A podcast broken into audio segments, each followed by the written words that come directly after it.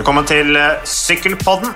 Magnus Snorre, du eh, er da i eh, karantene, eller husarrest, som noen ville kalle det. Hva, hvilke begrep syns du er mest betegnende for den situasjonen du har satt deg selv i, når du da reiser rundt i verden og er reporter på sykkelløp? Du, det er litt sånn trist at det er jo ikke så veldig annerledes fra det vanlige livet mitt. da. For Vi har lov til å gå ut og handle mat, det er lov til å gå ut og, og trene og spasere og jogge litt. Og jeg treffer jo ingen folk til vanlig heller, nesten. Så Nei. det er egentlig ganske likt. Det blir masse fotball på TV, masse sykkel på TV. Dessverre. Tyrkia rundt er jo ganske kjedelig om dagen, eh, til tross for at nordmenn gjør det bra. Eh, og så eh, ja, sitter en her og glor, da. Ja.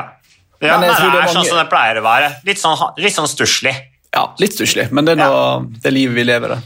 Man skal ikke sette for høye krav til livet heller, da. Altså, mindre er mer, er det noen kloke som sier. Ja, du er din egen lykkesmed. Helt klart. Så, men eh, eh, Magnus, eh, du var jo på en måte inne på det. Tyrkia rundt. Eh, det var jo en eh, Ja, det er jo ikke så mye som skjer på disse her brede boulevardene nede i Tyrkia der, når de passerer disse militærleirene og pomp og prakt som Erdogan skal vise for å eh, fremstå som en sterk leder som eh, presser resten av verdenssamfunnet til det ytterste. Vi skal ikke gå inn på flyktningkriser og Nato-medlemskap og alle sånne ting akkurat her og nå, men uh, det, er, uh, det har jo vært var en bra start på rittet da, med Kristoffer Halvorsen, som var veldig nære. Jeg vet ikke om vi kan si at det var en bra start eller dårlig start, men uh, det var i hvert fall en bra spurt. Ja, det var bra spurt av Halvorsen. Han viser gamle takter. Jeg trodde han hadde deg. Eh, men det var litt sånn um, ser ut det er litt vanskelig å bedømme den spurten. Du hadde jo den samme på første og andre etappe. Philipsen kommer kanskje sånn På etappe to kommer Philipsen kanskje 20 meter for tidlig ut i vinden der. Eh, men det så bra ut, det. da. Og det ser jo ut som Uno X har skal vi si, null respekt for um, at de sykler i ritt med store opptrekkstog som The König og Israel. Det Eh, krever sin plass, og det er gøy. Eh, så var det litt dumt selvfølgelig at det var en var det én centimeter, kanskje, et eller annet Ja. sånt, til Arvid Eklein Klein på etappe én. Men eh, godt kjørt der, så det var ikke meninga å være så negativ til prestasjonene når jeg, når jeg sa det var litt kjedelig ritt. Men jeg mener jo at Tyrkia rundt er jo på sånn topp fem, mi topp fem-lister over kjedelig sykkelritt gjennom året. Sammen med um, Tour of Beijing eller Tour of Guangxi. Ja. Eh, sammen med alle ritter i Midtøsten. Eh, Skelder Price, kanskje. Ofte ganske kjedelig. Ja, Det avhenger litt av været. Årets utgave av Skelderprice ble jo bra pga. av at været var såpass dårlig. Men når det gjelder Midtøsten-rittene, så Qatar rundt skilte seg litt ut. Eh, fordi at Jeg har kommentert Qatar rundt, jeg har jo sykla det sjøl òg, men eh, der kan det jo være veldig kaotisk og mye action. Og Det var det jo også på førsteetappen av dette her eh, UAE-tour. Jo, men UAE-tor er jo Eller Abu Dhabi-tour, eller Dubai-tour, eller Oman, eller eh, Ja, hva heter det egentlig? Ja, nå er det UAE-tour, men det har vært så mange varianter. Det er jo ganske søvndyssende greier. da. La oss kalle en spade for en spade. Men én ting er å sykle ritt der nede, Magnus, og se på sykkelrittene, men noe annet er å trene der nede. Det er kjedelig, det! Altså, å, Ja, det- det sykle der nede, det er helt forferdelig. Det går ikke an. Det går vei ja, Det er som du sier, veien går rett. ikke sant? Det er sånne firkanter. Eh, og, og du passerer kanskje en kamel, men stort sett så er det jo bare sand. Det er jo det er jo ekstremt uinteressant og null variasjon i, i terrenget. Så jeg anbefaler ingen å reise på sykkeltreningssamling til Qatar. Nei, det gjør vi ikke. Og så er vi vel egentlig eh, Skal jeg si Tyrkia rundt er jo Det er jo en del bra deltakelse i år, da. Faktisk. Uh, og Uno X er jo et sterkt ritt, så for oss nordmenn så er det litt gøy å følge med på i år. Men eh, det har vel litt å gå på der nede med tanke på løype og ikke legge alle etappene til uh, motorveien. Ja, Det kan jo være at de ikke har noe annet enn motorvei. da. Ja, men legge, liksom? legge ned et grusparti da, i så fall. Ja, Men da må man jo ha med seg masse utstyr, og det blir mye logistikk og Så ja, ja, sånn er det. sånn er det. Men i hvert fall bra start av eh, Uno X og Kristoffer Halvorsen. Eh, og så må vi snakke litt om eh, det, store comebacket. Kristoffer Halvorsen er på en måte et comeback, han også, etter en tung sesong i, i fjor. Han brøt jo kontrakt med EF Education for å komme over til Uno X, og ser ut som det har gjort han veldig godt. Det er jo litt interessant. Halvorsen hadde jo en han hadde jo millionkontrakt i EF Education. Jeg vet ikke hva han får betalt i UnoX, men jeg vil anta at det er ikke det samme. Men det viser bare at penger betyr ikke alt, altså. Jeg tror det var klok eh, vurdering for karrieren hans. da. Uh, er ikke, er jo, han er jo ikke første person som sliter med å finne seg til rette i EF. Uh, her var det vel riktignok ikke laget som var det var ikke laget som var stort problem her. Det handler jo litt motivasjon og korona og diverse. Mm. Men han får vel betydelig mindre ja, i UnoX, det kan vi slå fast.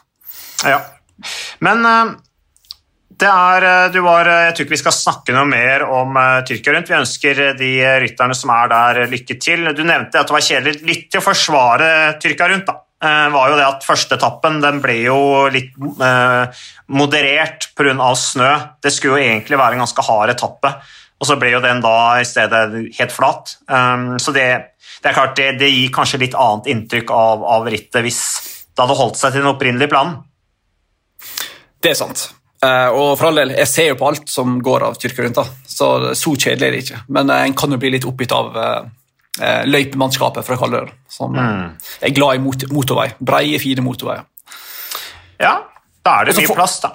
Og så får du med en del sånn, litt sånn spesielle ryttere. Du får jo, Alle disse tyrkiske lagene er med. Du, du, ser jo den gamle kjenninger som Mustafa Sayar. Mm. han som var så proppa full på EPO som det går an, tror jeg. Da vant Tyrkia rundt i hvor var det da, 2015 eller 2016 eller noe sånt. Ble vel diska der etterpå. Og så har du Ahmed Ørken er jo der. Eh, den eh, beste tyrkisk-syklisten. Mm. Eh, så det er en del sånn der, Og så har du det amerikanske Wildlife Generation-laget. Så det er litt sånn der um, Eksotisk? Eksotisk og masse, masse, forskjellig. Så har du Team Sauerlandet med, som du aldri mm. ser ellers egentlig i løpet av et år. Og så har du Eh, det er A-blokk-laget, det nederlandske som før vel het Team Monkey Town. det? Det er et ganske kult navn. Det er, det er topp top, top, fem lagnavn. altså. Mm. Team Monkey Town. Men Monkey Town, er det, er det stort, en sånn stor kommersiell interesse som pøser på med millioner, tror du? Som, som er liksom en veldig sånn, et veldig bra business? Monkey Town, det, vet du hva det er for noe? Nei, men det høres ut som du vet hva det er for noe. Nei, altså jeg lurer litt på det. Eh, for jeg er litt interessert i å vite hva Monkeytown er sånn rent kommersielt. da. Hva er det de, på en måte, hva er det de tilbyr Monkeytown? Annet enn eh, sponsoratet eller logoen på et sykkellag? Eh, nå googler jeg for harde livet men ja, Monkeytown jeg, jeg fikk bare opp sånne dyrehager. så jeg vet ikke om det er det de egentlig driver med. Det høres jo litt sånn ut, da. ja, jo, det er jo for så vidt det. Men uh, apropos uh, eksotiske uh, lag og, og deltakere. Marti Vigo kjører òg. Vår kjære ja. spanske skiløper. Det er han. Han kjører for Androni Giacatoli, Sidemek, så det blir spennende å se hva han gjør på den ene fjelletappen de skal gjennom. Um, ellers, Du var jo inne på Ørken. Ahmed Ørken fra, fra Tyrkia sykler på Team Sepura. Blitt 28 år gammel nå han, eh, hvorfor er han din favorittsyklist, eh, Magnus? Eh, favorittsyklist? Det var noe jeg, jeg, jeg trodde du hadde en sånn forkjærlighet til han.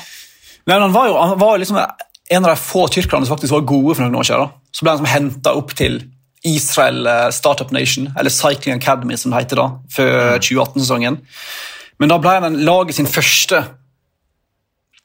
fra et muslimsk land som de signerte. Og De er jo som kjent ikke muslimer i Israel Startup Nation, så det førte jo til ganske masse sånn politisk krangling, og mora og broren til Ahmed Ørkin fikk jo masse trusler og diverse greier i posten og sånt, så han eh, trakk jo seg fra liksom, den proffdrømmen allerede før han fikk begynt, Ahmed Ørken, og pga. den politisk spente situasjonen mellom muslimene og, mm. og det Israel står for. Da. Så det ble liksom aldri helt store han skulle være brobygger, han.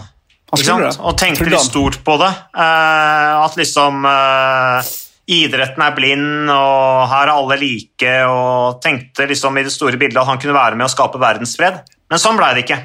Nei, og så har karrieren sånn, dabba av, da selvfølgelig. Så vi de unner jo han en opptur, og så mm. tror jeg jo veldig mange unna Mark Cavendish en opptur når han endelig vant igjen på mandagens etappe. Det var det første på over tre år. Cavendish? Det var, vel Dubai Tour eller noe sånt i 2018 som var siste. Så det er morsomt med Cavendish at han også kommer tilbake. Eh, det er jo litt sånn ja, Unner seier, eller er du litt går, lei? Går du til Quickstep eller elegant. Det er vel elegant heter vel bare i Flandern rundt for øvrig. Nå er det vel Kønne Quickstep igjen, men uh, går du dit, så presterer du jo. Det er jo på en måte Sånn er det jo bare. Det er det. De får folk i liv igjen. Men jeg tror, det er sånn, jeg tror de er ganske stolt av liksom, eh, at, at eh, Cavendish igjen vinner. Så fort han får på seg drakta deres, så er det Det er jo eh, stor prestisje forbundet med det, og det spiller jo ikke noen rolle for de hva slags type ritt det er, bare at han vinner. Og Du så jo lettelsen til Cavendish også når han vant i går. Det, var, det betød mye for han, altså, selv om han har vunnet mye store sykkelløp. Og så jo på en måte sånn tilfeldige lag som bare liksom, stilte seg i kø nesten for å gratulere han der. Han er jo eh, cycling royalty.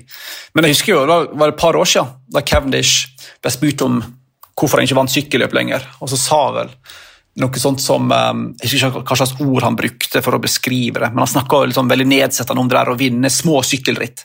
Han òg kunne vinne, vinne sykkelritt, han dro til sånne eh, shit races eller et eller annet sånt han kalte det. Eh, Men det skulle ikke han gjøre, da. Men nå har han gjort det. Eh, Så ja. Men eh, det er jo gøy å se at han er tilbake igjen. da. Snakk om fargeklatt. Det blir spennende å se da, om eh, den mestringsfølelsen han nå får, eh, om det vil gjøre at det løsner for ham, at han på en måte kanskje vinner sykkelritt igjen på øverste nivå. Da. Så det er i hvert fall artig å se at det går an å børste støv av gamle helter. Ellers, Magnus, det er jo litt sykkelnyheter også. Hovedpoenget i, eller det viktigste i den podkasten blir å snakke om Amstel Gold Race, men Litt andre nyheter. Vi får ta dette her til oss av Sykkelpodden. Roman Sikar, 33 år gammel, eh, legger opp. Han er jo fransk-basker som vant både U23-VM og Tour de l'Avenir i 2009. Er faktisk den eneste rytteren som har klart å vinne den doble der samme sesong. Eh, Var jo det store franskbaskiske sykkelhoppet, og du er jo litt sånn eh, basker selv. Eh, Spansk-basker.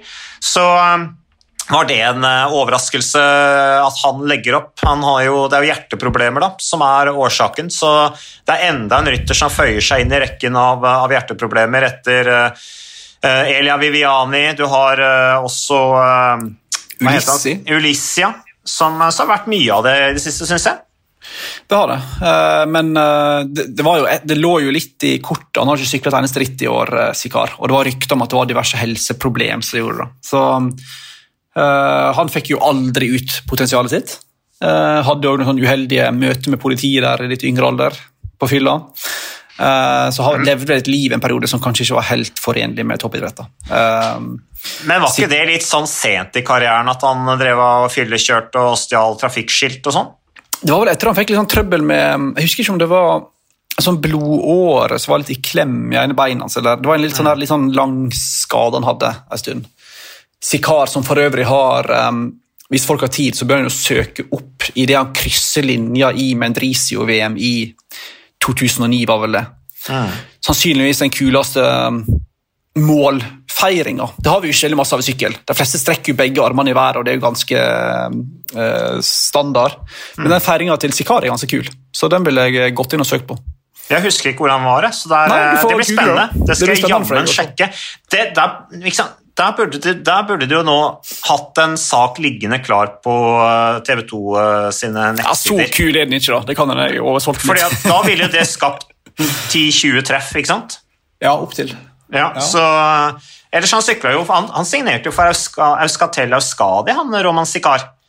Det er jo litt sånn eh, utradisjonelt for en eh, fransk eh, U23-rytter som kommer rett fra amatør, men han sykla for Orbea, gjorde han ikke det? Han sykla for Orbea eh, for nettopp å komme unna alt det der franske presset på å være liksom arvtakeren til, um, til Bernardino. Han tenkte jeg får mindre mas i media hvis jeg bare gjemmer litt bort over grensa. Litt sånn som um, Louis Chetou òg tenkte, han koffeidistrytteren som la opp i forfjor. var det vel. Um, så det er mange som liksom krysser grenser for å slippe det der søkelyset. Uh, Men Sikar hadde. Ja, men Sikar hadde jo en liksom, ekstremt skuffende karriere, la oss kalle det da, når du har det utgangspunktet som han hadde i, for ti år siden. Han var verdens beste U23-rytter. Men han eh, drev og gambla på hanekamper, gjorde han ikke det? Jo, sant, det var litt jeg var inne på. Han har hatt litt sånn diverse eh, fritidssysler. Eh, Men nå har han god tid til å drive med det, da. Så Han kan bli haneoppretter da, og drive med gambling eller sånn hanekamp-gambling på heltid. Det Det er er det verste du kan drive med etter karriere. Nei, det er lukrativt, tror jeg. Vi har jo snakka om hva noen av de andre spanske proffsyklistene har drevet med etter at de la opp som proffer, så definitivt ikke det, det, det mest kontroversielle, det. Jo, jeg bare tenker på hjerteproblemet, vi var inne på det. Stybar glemte vi jo. Han hadde jo også en uh, sak nå nylig som gjorde at han ikke fikk deltatt i, i Flandern rundt, faktisk. Så uh, det er uh, men det, det, er jo enkle inngrep. Både Viviani, Stybar og Ulissi er jo tilbake i trening og konkurranser. Så, så, det er i hvert fall godt å se at de ikke blir satt helt på sidelinja. Ellers, Vi har snakket litt om Danmark, Magnus. Danmark rules, altså. Danmark eier sykkelverdenen. og Forrige sykkelpodd vi snakket om Danmark, så sa vi at danskene spiser nordmenn til frokost. Men jeg tror vi kanskje kan nå si at danskene spiser nordmenn til frokost og lunsj. Wow! Ja, for et ordspill! Ja, det var litt et ordspill. Nå, var det jo, altså det, nå hadde du jo ikke sant, uh, Asken har vi snakket om uh, Flandern rundt, men jeg så jo Mikkel Honoré som vant i, i Baskeland rundt nå. Og Dermed så er jo da Danmark den eneste nasjonen som faktisk har vunnet en etappe i alle World Tour-etapperittene i år, med fem forskjellige ryttere. Så du verden! Og de har fått fram en generasjon nå. Ja, og så er det vel det landet som har funnet tredje flest sykkelritt i 2021. Bare mm. bak eh, liksom, hjert, altså sykkelheimlandet Italia og Belgia. Så um, de har så enorm bredde. da. Uh, og så er jeg spent på om de klarer liksom, å få fram um, og disse sammenlagtrytterne. Det virker som Jonas Wingegård er god, godt på vei til å bli en sånn um, sammenlagtrytter av øverste klasse. Mm. Uh, som Fodsang liksom aldri helt han, For all del, når du er topp ti i Tour de France, er du i øverste klasse. altså. Men han tok ja, aldri, det, ja, men han tok aldri det steget helt opp i sammenlagt uh, Grand Tour-sammenheng. Mm. Uh, men det har vanvittig masse velgere. Og um, ja, nei, Vingegård ser bunnsolid ut. Altså. Å bli nummer to i Baskeland rundt eh, når du jobber for en lagkompis, det er ganske mm. ekstremt. Altså. Nå ble han jo sittende på hjul der da, på, på, den uh, siste etappen der og fikk for så vidt en billig reise, men jeg bare hørte litt kommentarene til, uh, til jo, en billig reise. Et, ja, ja, datt av. Er helt, han er jo helt rå, selvfølgelig. Og vi så han jo i Spania rundt i fjor også, hvor han kjørte for Roglic der. Og det var liksom, altså, Roglic er en person som Jeg har utrolig respekt for Roglic som, som idrettsmann, måten han håndterer ting. Eh, og så når da de møttes etter målgang i Baskeland rundt nå, så var selvfølgelig Roglic for øvrig. Da ga han jo en gave til Godu. Han lot jo Godu få vinne den tappen etter diskusjonen vi hadde i Paris-Nice, hvor han tok denne seieren fra, fra den unge sveitseren Meder, eh, som jo er helt riktig at han gjorde. Men eh, da sa han til Vingegård at 'I'm proud of you', sa han. Så han er litt sånn landsfader i, eh, i, i, i Jumbo Visma nå, Primoz Roglic. Men ja, nei, jeg er spent på han Vingegård, når han får kjøre for egne sjanser. Risikoen er jo at det er litt mange store kapteiner på det Jumbo Visma-laget. Men um, han, de finner vel sikkert en Vuelta til han etter hvert, kanskje. Mm. Ja, det, det, blir spennende å se. Han er definitivt materiale som kan være med å kjempe i toppen av uh, treukers etapperittene. Andreas Leknessund kjørte også uh, Baskeland. Det gjorde også uh, godeste Kristoffer Eiking. Um, jeg tror de fikk kjørt seg litt. Det er et tøft sykkelløp. Hva, kalte du han? Sa jeg Kristoffer Eiking? Kristoffer Eiking. Det ble sånn Kristoffer Skjerping, Odd Christian Eiking-variant. Odd Christian Eiking, selvfølgelig. Ja. ja men de er fra Berg, altså de er fra Vestlandet begge to. Både Kristoffer Skjerping og Odd Christian Eiking. Så da blir det fort litt sånn. Men det var bra du retta meg på det. Um, ja uh, Kasia Nieviadoma. Hun, hun, forlenger avtalen sin med Cannon Estram. Vi har jo snakket litt om for lange sykkelkontrakter på herrene. Nå kommer det også i damesykling, det er godt å se. Uh, har jo vært i laget siden 2018, uh, eh, Nivi Doma. Cannon Estram, altså. Uh, hun, som allerede, hun har vunnet Amstel Gold Race, trofé Alfredo Binda og andreplass sammenlagt i Giro Rosa.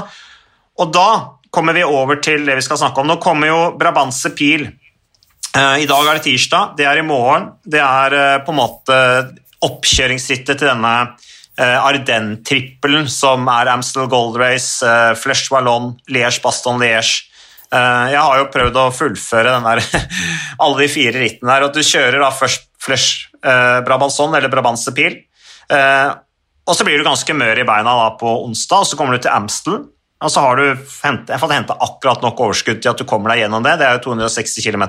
Og så er du helt ferdig da i flushballong, og så er du helt i kjelleren når du kommer til Liège Baston Liège. Men noen har jo klart å vinne alle disse fire rittene. Philip Gilbert, du hadde også David Rebellin gjorde det. Så det er De vant vel bare disse tre, gjorde de det? Vant, vant ikke Philip Gilbert de... også Brabanson?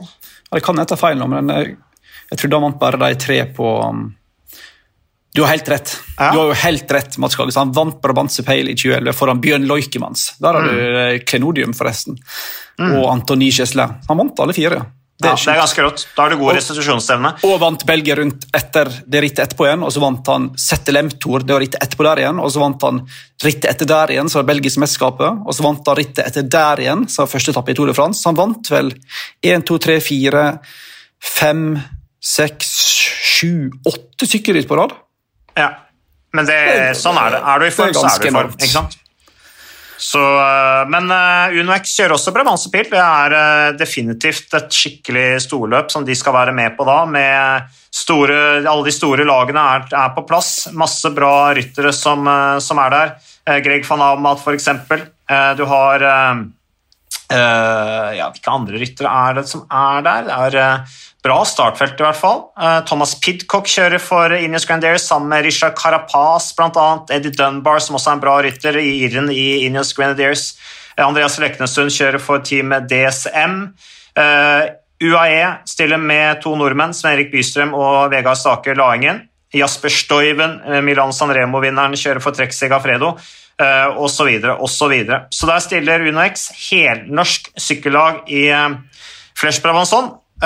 Og der er også Jonas Abrahamsen er en av de som skal være med på, på laget til UnoX. Og jeg har faktisk snakket med Jonas Abrahamsen, eh, Magnus. Wow! Ja, og det er en utrolig trivelig type. Du blir liksom, ja, liksom glad når du snakker med han, fordi han er liksom så munter og Ja, han er så på. Eh, vi kan høre hva Jonas sa. Jonas eh, Abrahamsen, eh, du sitter nå nede på dette huset dere leier nede ved belgiske eh, grensa, er det ikke sånn cirka der dere er? Eh, jo, det stemmer. Så vi har å gjøre siste oppladning til eh, Rantepil og Amster Go Race. da. Som er på onsdag og, og Amstel Go Race på søndag. Dere har vært og kjørt gjennom løypa til Brabantse Pil i dag, skjønte jeg. Hva, hva syns du? Jo, det er egentlig en veldig fin løype. Den eh, er overraskende far med ganske mange kneiker underveis. Og spesielt på, på siste runde når det er eh, to brosteinsbakker og, og, flere små kneiker som kommer etter hverandre. Så jeg tror absolutt en løype som kan, eh, kan chille på slutten her. Som har også mange gode vinnere de siste åra. Så det, det blir et spennende og hardt løp. Hvordan passer det rittet deg som, eh, som rytter? Jo, øh, nå har jeg endra litt. Før så var jeg kanskje litt mer type bakkerytter, som passer kanskje litt bedre i, i lengre bakker. Men nå passer jeg egentlig som type Amstel Go Race og det løpet vi skal sykle nå på onsdag, var mye bedre, men litt mer punch og litt mer trøkk. Det er kanskje ikke så lange bakker. Mm. Så jeg tror det kan passe meg egentlig bra. Jeg får gjort en bra jobb på laget, og spesielt Markus, som er i veldig god form. Mm. Ja, Markus er jo i kjempeslag, men uh, det du sier Jonas, der om at uh, før passet lange bakker deg bedre, nå er det litt mer punch og kortere bakker. Uh, hva er det som, hvorfor den endringen? Hva er det som har skjedd?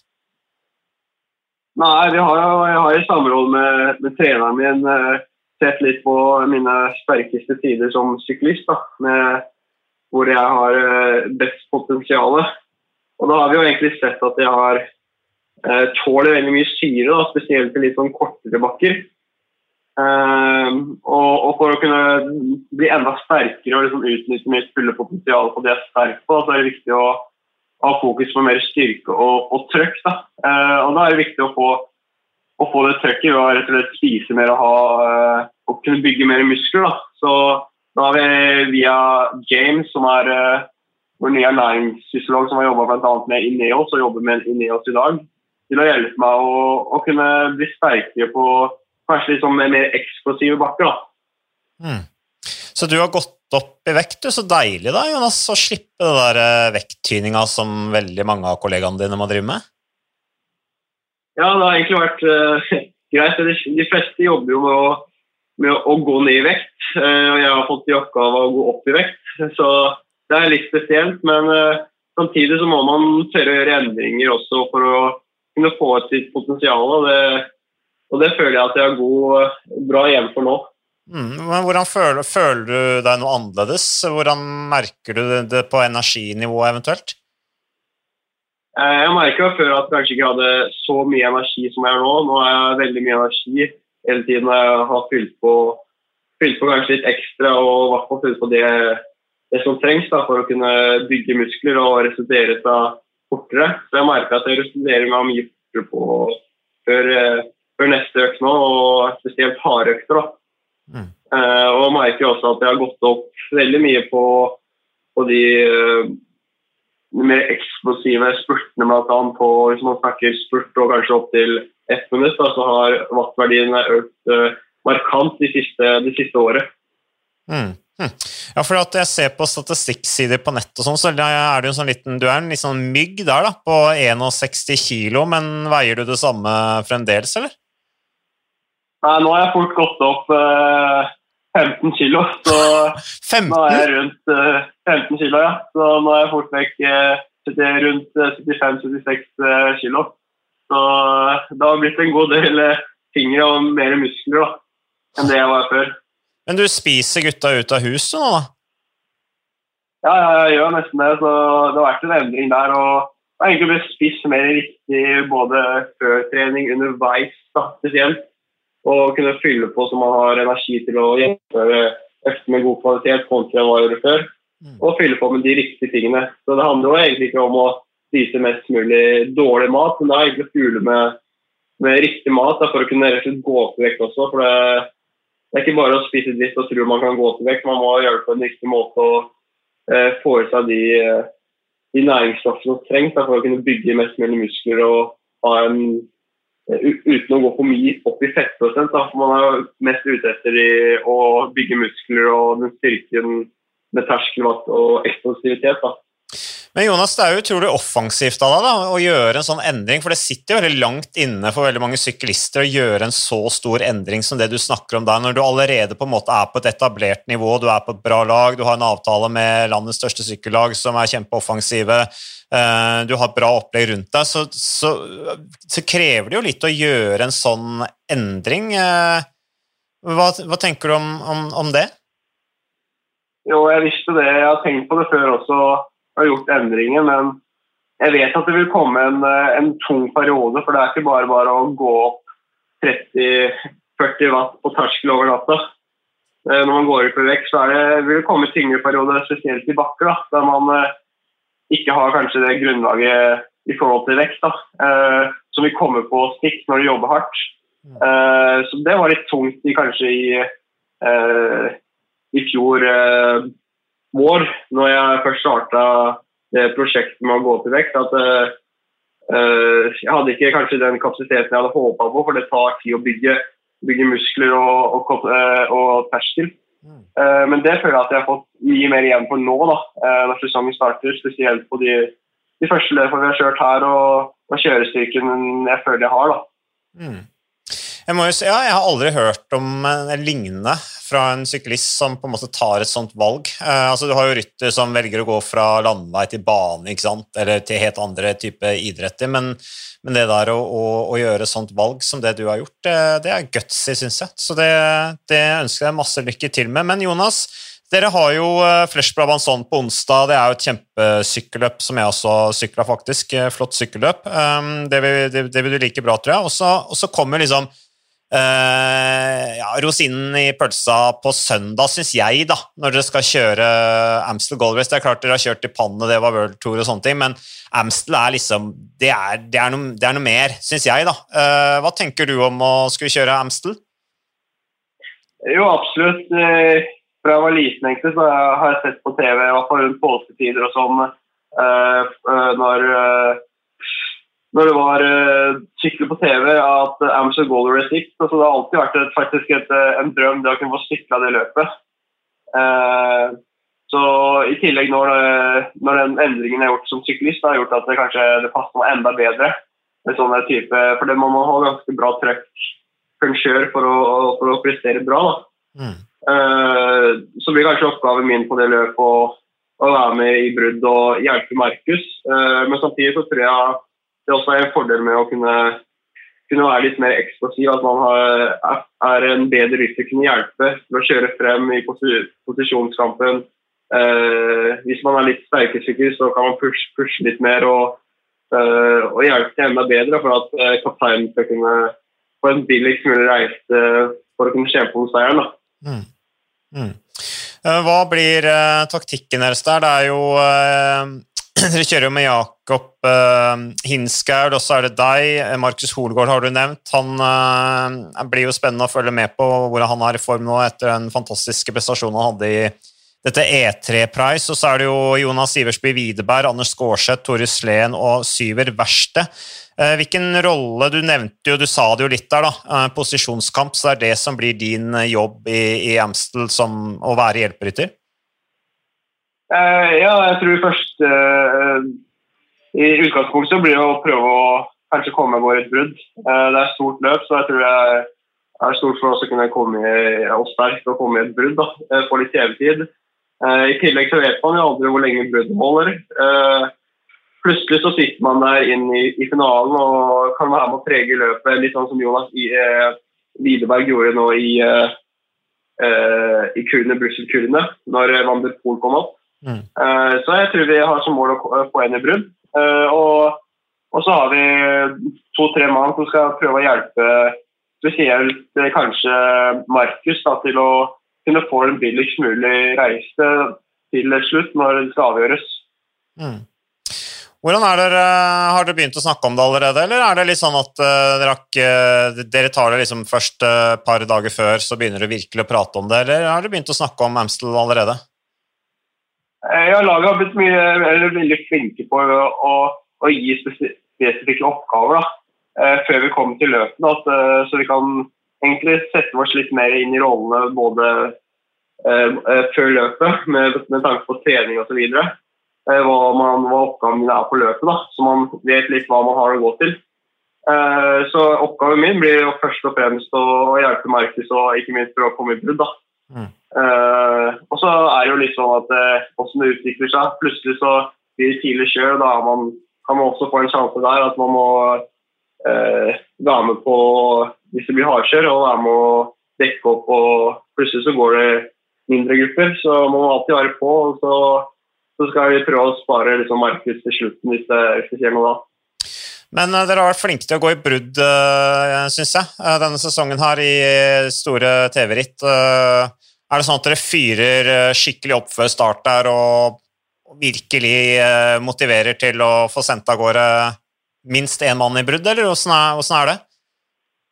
Ja, i hvert fall på de, på de løpene som Kurn og, og i morgen bl.a. Eh, og på søndag så har vi jeg er sikker på at vi har ambisjoner om å, å prøve å få inn i brudd. Eh, og Det viser seg også hvor hardt det blir kjørt nå da, i, i de løpa som har vært eh, under korona. At eh, Man vet aldri hva, hva som blir det siste løpet før eventuelt nedstengelse. Mm. Eh, og Da kan det være en fordel å sitte i forkant da, av løpet hvis det blir sidevind eller hvis det blir kjør eh, i starten av et løp. Da, så ofte blir kjørt som det blir kjørt med Van de og, og, de sterke nå, at de avgjør opp til stilet. Da kan det være fordel å sitte, sitte litt foran og, i feltet, foran i tidsmessig før feltet, og plutselig sitte der med en, en sterk gruppe på slutten. Kan du rapportere om noe, hvordan er gutta i slag? Er det noen som uh, utmerker seg? Altså Markus har jo kjørt kjempebra i år. Uh, er, er, er, alle gutta i slag? Ja, vi har trent bra nå i er denne og fått noen bra løp. som kommer litt fra, fra forskjellige steder i E3 og, og, litt forskjellig, så jeg tror, eh, tror gutta er i form. Ja. Og spesielt Markus, eh, som har visst eh, siste løpet i E3 hvor bra slag han er i. Så jeg tror vi absolutt kan være med å, prege løpet med en topplassering på de to løpene som kjører nå. Og topplassering, hva, hva, hva tenker dere på som topplassering? Topp ti, eller? Ja, topp eh, top 10, topp 5. Da skal jeg være fornøyd. Da får vi Amster Goalers hvis vi får en topp 10-plassering der. Så øh, kanskje topp 5, så skal jeg være veldig fornøyd. Ja, Det høres bra ut, Jonas. Ja. Det, det, blir veldig spennende å følge dere der. Men du, tusen takk for uh, praten. Så får du stå på masse videre. Ja, tusen takk, det var bare hyggelig. Ja, det var eh, Jonas eh, Abrahamsen. Eh, fin fyr. Eh, Litt artig det han sier der, Magnus, fordi, og som jeg er litt inne på der, som han kanskje ikke helt eh, oppfatter eh, hva jeg mener med eh, under intervjuet, men det jeg mener der at jeg synes det er ganske Som jeg sa til ham, så jeg har ikke hørt om at noen ryttere som er i det gode selskap, sånn som han er, som er etablert på UnoX-laget, at han ikke bygger videre på en spisskompetanse han allerede på en måte har bygget opp, da, og som er sikkert Man blir jo ofte gående i den samme bobla man har vært i alltid, og så tør man ikke å gjøre endringer, særlig når det butter imot. Som utøver så er det mange som sliter med på en måte å gjøre de eller gjøre store grep, da. kanskje endre, endre seg helt fullstendig, sånn som det han har gjort. For det er jo total endring eh, den måten han tenker på eh, som seg selv som rytter, og i forhold til dette med å, å gå opp i vekt. De fleste rytter vil jo bare gå ned i vekt, men eh, jeg tror jo at eh, det blir veldig spennende å se videre på utviklingen til eh, Jonas Abrahamsen. Som han sier i det intervjuet der, det har vært litt tunge perioder, en sånn overgang, eh, men eh, veldig spennende å se. Heier på han altså, i forhold til, til veien videre. Det kommer en sak også på, på TV 2 om Jonas, gjør det ikke det, Magnus? jo da, det er det. For det er jo som du sier, det er jo ganske sånn sjelden kost at uh, ryttere endrer helt Om ikke endrer kropp helt, så iallfall endrer ryttertype og, og vekt. da, Så masse han har gjort. Og det er litt kult på den måten som altså det du sier, Mats. For vi har jo alltid liksom hørt snakk om at Jonas er en av de beste klatrene, unge norske klatrerne som vi har på gang. Det har vi hørt i ganske mange år nå, egentlig. Men så har han liksom alltid venta litt på det der eh, endelige gjennombruddet. Det der ene resultatet som bare viser at shit, her har du et toppnivå inne som er enormt høyt. da. Så det er litt kult å måtte tørre å i, eh, Han er jo ikke mer enn 25 år, da, men i, altså, han tør likevel i godt voksen alder og bare si at her må vi prøve noe helt nytt. Mm. Og det som, det som han sier og han er inne på, det tar litt tid for kroppen å venne seg til det. da, så det er jo en del tunge perioder òg. Men jeg synes det er kult at hun tør å endre det. Og så er det jo òg um, Hva skal jeg si Det er vel den typen kropp du trenger for å hevde deg i Amstel Gold Race, er det ikke det? Jo, altså vi har Litt jo mer kraft i beina og litt mer eh, tyngde. Det er jo litt sånn som eh, Jan Ras, som eh, vant, uh, vant Amstel Gold Race fem ganger. Sammenligner du Abrahamsen med Ras? Ras tror jeg var en Ja. skikkelig kjip fyr på enkelte måter. Ja, men som ryttertype så er eh, Jonas Abrahamsen den norske varianten av Jan Ras. Eh, Hvis du bare skaffer han de samme brillene, altså pilotbriller, eh, uten, uten på en måte sol, solglass, så, så er Jonas Abrahamsen nye Jan Ras. Eh, Ja. Jan Ras var var for øvrig en av ti søsken. er jo bonde, var bondesønn. Eh, Men han sa jo at Amstel Gold Race det er helt perfekt for meg. Disse korte kneikene.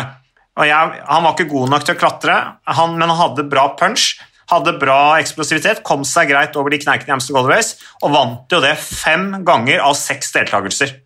Det er jo den mestvinnende rytteren i Amstel Gold Race, eh, Jan Rass, nederlenderen som eh, senere ble manager i Rabobank. Måtte jo gi seg i den rollen i 2003 fordi jeg tror han ble pressa ut av rollen av Rabobank som ønsket endringer. Nå lurer sikkert mange på hvorfor snakker vi om en eller annen Jan Ras. Poenget er jo at dette er jo fyren som kanskje hindra det første norske VM-gullet på landeveien. Altså Året var 1979, og det var jo i Falkenburg, så det var jo i samme uh, traseen ish som uh, vi skal ha Amstel Gold Race i. Da Jan Ras um, uh, kjørte ned, kan vi bruke de ordene? Kjørte ned uh, Knut Knutsen. Ja, helt klart. Eh, og kom også inn i finalen med Didi Torau og Bernardo, kan det stemme? Og Ja, kjørte stemmer. ned der eh, Giovanni Battaglin i tillegg, italieneren. Så han tok for seg. Det gikk helt vilt, altså. Ja, ja, Han bare gjorde akkurat som han ville. Fantastisk syklist, men havna på kant med de fleste. og var vel i en, ganske mange krangler med Peter Post på det der berømte TI Rally-laget og fram og tilbake. og Han gjorde som han ville. Hadde vel også inngått en avtale med Didi Torau, der, tror jeg. Eh, angivelig, i alle fall. Så lot han vinne da i, i 79-VM. Året Ras vant VM, Tour France-etappa, Amstel Gold Race, Flandern rundt, E3. Eh, enorm syklist, da. Men eh, ikke kanskje det enkleste å gå overens med, tror jeg. Det, det VM-et der i 1979 det ble altså omtalt som mest, et av de mest skandaløse VM-seierne noensinne. Eh, og Juryformannen i det rittet han var jo fra Seland, der også Jan Ras kom fra. Eh, altså samme regionen. Eh, og Hendelsen fikk jo dermed ingen konsekvenser. Han så jo selvfølgelig en annen, annen vei når da Jan Ras ble dyttet opp bakken av lagkameratene. Det var for øvrig ikke forbudt den gangen. Eh, og han ble også beskyldt for å ha holdt på den nederlandske servicebilen i oppoverbakkene. Og så var det disse veltene som nevner, hvor han var sterkt medvirkende bl.a. til at vår egen Knut Knutsen veltet fra en ganske sikker medalje i avslutningen av rittet. Jeg satt faktisk og så på det på YouTube, eh, og jeg må jo si at heldigvis så har TV-teknologien utviklet seg siden 1979. Det var ikke lett å se hvem som var hvem, altså. Nei, jeg har sett det der opptaket der. Uh, men han der uh, ras, han virkelig egentlig litt skummel, spør du meg. Men vi har snakket om, liksom, vi snakker om Flandern rundt og Kvarmont og sånn, ikke sant? sånn sykkelsportens vugge og helligdommer, men, men Kalberg er jo også definitivt en, en helligdom i internasjonal sykkelsport. Falkenburg-Kalberg. Så det har arrangert fem landeveis-VM i, uh, i, Falkenburg opp Kalbergstigningen. 1938 var første gangen. Uh, og uh, så ble det igjen i 1948, 79 har vi snakket om, 1998, og det var et spennende ritt sett med norske øyne eller et spennende VM sett med norske øyne, Magnus, for da vant jo Thor Hushov temporittet i U23-klassen. Jeg var med der selv, faktisk.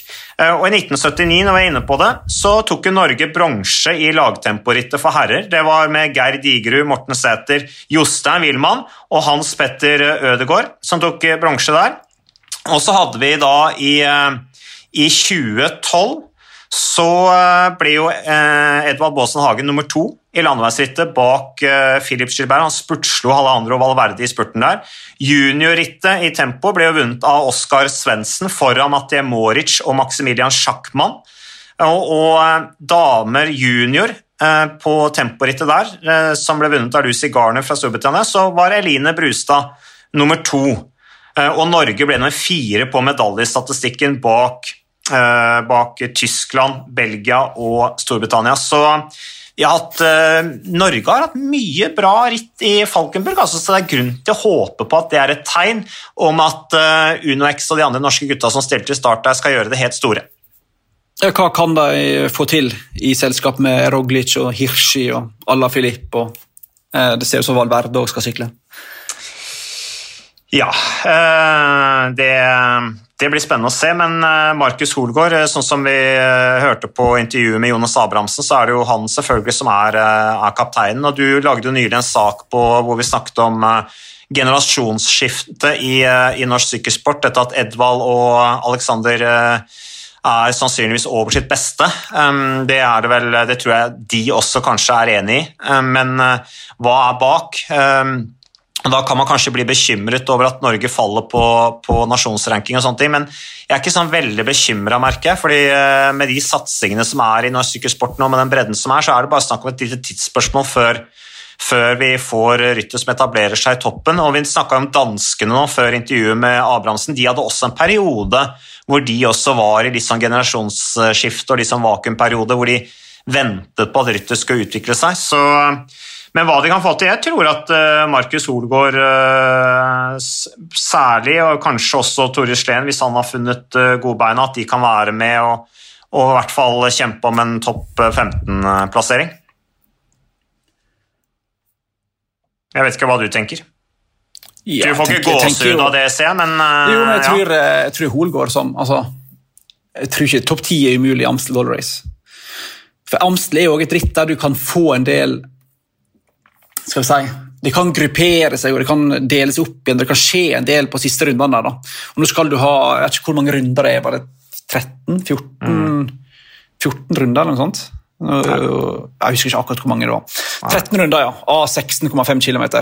Det kan skje ganske masse. Altså, hvis du sitter med den riktige gruppa, så kan du plutselig gå til mål. Sant? Og hvis du han er såpass sterk i akkurat det trenger der, Holgaard. Så jeg tror topp ti absolutt er realistisk. Og det ville vært ganske um, big deal da, i det som er det største rittet som uh, UnoX har deltatt i så langt, iallfall. Vi skal jo ikke glemme Widerberg heller, den europeiske mesteren i U23. Det skal bli spennende å se på han også. Um, de kjører for øvrig med Jakob Madsen Hinskaul, Jonas Abrahamsen, Markus Holgaard, Widerberg, Anders Skårseth, som jo hadde prøveproffkontrakt med Coffedis for noen år siden, Tore Sleen er der, og Syver Verste, som da altså er Uno X-laget. Danskene til Uno X, jeg syns ikke de har vært så veldig uh, synlige så langt denne sesongen, Magnus? Du ser jo litt han um, Unnskyld. han uh, Fredrik Rodenberg i Tyrkia, som har bidratt bra i det um, spurtopptrekket der. Ja. Så har du vel en Anton Charmig der, som vi sikkert ser litt mer til utover Tyrkia. Men det er vel sikkert litt sånn for Julius Johansen og en del av oss andre, så er det vel Fokuset er vel sikkert såpass mye på det som skjer i Tokyo i sommer, mm. at eh, uten å snakke med deg sjøl, så vil jeg tippe at landeveissykling og UnoX fram til da er Mm. litt sånn eh, en ettertanke nesten, da, før en liksom skifter fokus etter OL. da. Mm. Um, Rodeberg er jo, han, han er jo del av det der superlaget til Danmark på bane. Um, og, og, og ha han i avslutningen der på siste kilometeren tror jeg er ganske gull. Jeg ser jo det at han har potensial i den rollen. Så det er spennende å se. Men uh, det blir i hvert fall veldig uh, gøy med, med Amstel Goldrest i helgen. Uh, Søren Krag Andersen kjører jo også for Team DSM. Du har Mark Hirschi er der. Uh, det er uh, Du nevnte Alejandro Valverde. Jakob Fanart skal sykle. Fanart skal kjøre, ja. Du har Vare Bargil, som er en spennende rytter som jo kjørte Flandern rundt, utrolig nok. Dylan Tøynes, Mathieu Moric, Michael Matthews, Esteban Chávez, som er i kjempeform, som, uh, som jeg syns virkelig ser ut til å ha funnet uh, godbeina. Uh, Dansken fra, fra i The Quickstep som vant etappe i, i Baskeland rundt nå, Mikkel Frølich Honoré kjører. Julian Alaphilippe er der. Denne unggutten Mauro van Sevenant. Så ja. eneste som er litt dumt, er jo at eh, van der Poel ikke skal sykle. ja. Det er litt er, litt utrolig, egentlig. Altså, når han vant der i 2019, det tror jeg er noe av det sjukeste jeg har sett de siste fem-seks åra. Altså. Mm. Det er litt dumt at han, eh, han skal konsentreres litt om uh, terrengsykling. skal vi skjønne det. Jo. Eh, så dessverre. Men eh, det er alltid et kult sykkelritt. da. Eh, ganske, eh, u, altså, ganske åpent sykkelritt på mange måter. Uh, mye åpnere nå enn det var tidligere, da det var en, alltid enten Gilbert uh, eller i alle fall da, et slags bare vente til slutten av Kauberg og så støte på i siste bakken. da. Det er betydelig mer åpent nå, for nå er det vel det er vel kun tre bakker de skal rundt og rundt i år. Det er vel uh, Kauberg, og så er det vel Gaulhemmerberg, og så er det Bemleberg. Så rundt og rundt og rundt. Så ja, der kan det skje litt etter hvert. Det blir uh, artig. Simon Clark kjører også, som ble to det året uh, Matthew van der Poel vant. Det blir spennende å se på Val van Ert, om han har noen krefter igjen etter, uh, etter uh, Flandern rundt, hvor han virka litt flat, syns jeg, i forhold til hva han har vært uh, tidligere. Så, uh, og så sender vi også damerittet. Stine Borgli kjører for for Francé de Jeu der. Eh, der er det også veldig sterkt eh, startfelt, selvfølgelig. Et kjempeviktig sykkelløp for, eh, for, eh, for damene. Eh, og Stine Borgli er jo i bra form. Ble jo eh, ti i dette Dvard og Flandren, eh, som eh, gikk 31. mars. Har vært hjemme i Norge og tatt en liten eh, hvileperiode. Det blir spennende å se hva hun kan gjøre i, Amstel. Det burde passe henne bra. borgerlig, som, eh, som er sånn norske jenta i, eh, i de Jeu. Det som slår meg når du ser på den startlista, er at damene sin World Tour har jo fått den dynamikken en håpte at herrene skulle fått for mange år siden. For i damene føler du helt annen kontinuitet i at de beste stiller i så godt som egentlig alle disse World Tour-rittene. Det være seg om det er Flandern, eller Strade, eller Amstel eller Giro Feminile. Der er alle de beste med hver helg. da. Det, har du, det har du ikke hos gutta. Altså. Der, altså, det er ganske uvanlig at Primoz Roglic stiller til start i Amstel Gold Race. liksom. Så du, De velger jo mye mer ut enkeltritt, mens damene der er, jeg føler på en måte det er mye større prosentandel samme feltet hver eneste gang. da. Og Ja. Annemiek van Vleuten blir vel vanskelig å slå på heimebane med den formen hun har vist i det siste, etter den treningsleiren på Tenerife eller hvor det var eh, nylig. Så um, vant til både Dvars Flandern og Ronde van Flandern, så um, tipper hun blir vanskelig å slå på søndag.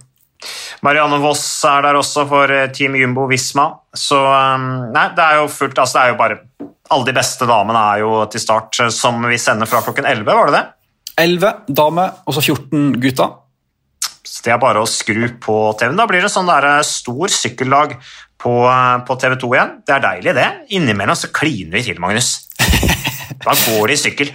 Ja, ja, det er bra, det. Kjøre på. Kjøre på, vet du. Er det noe mer du har lyst til å ta opp, da, Magnus? Er det noe vi ikke har uh, tatt med? Vi har jo tatt litt det historiske rundt Amstel Gold Race. Det er viktig i Sykkelpodden at vi ikke glemmer vi skal aldri glemme våre gamle helter og legendene. Legendene dør aldri. Jan Ras har vi jo faktisk nå da satt et legendestatus på i dag, i denne sykkelpodden, Magnus. Det er vi jo fornøyd med. Ja, Ja. Den, den så vi ikke komme.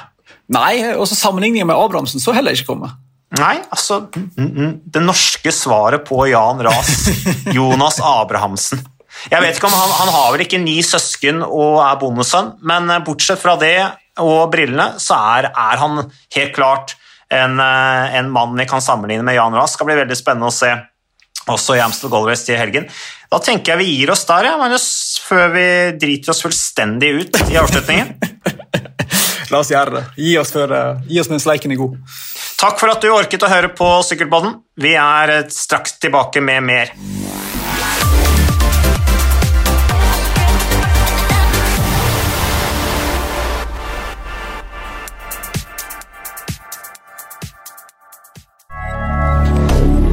Moderne media.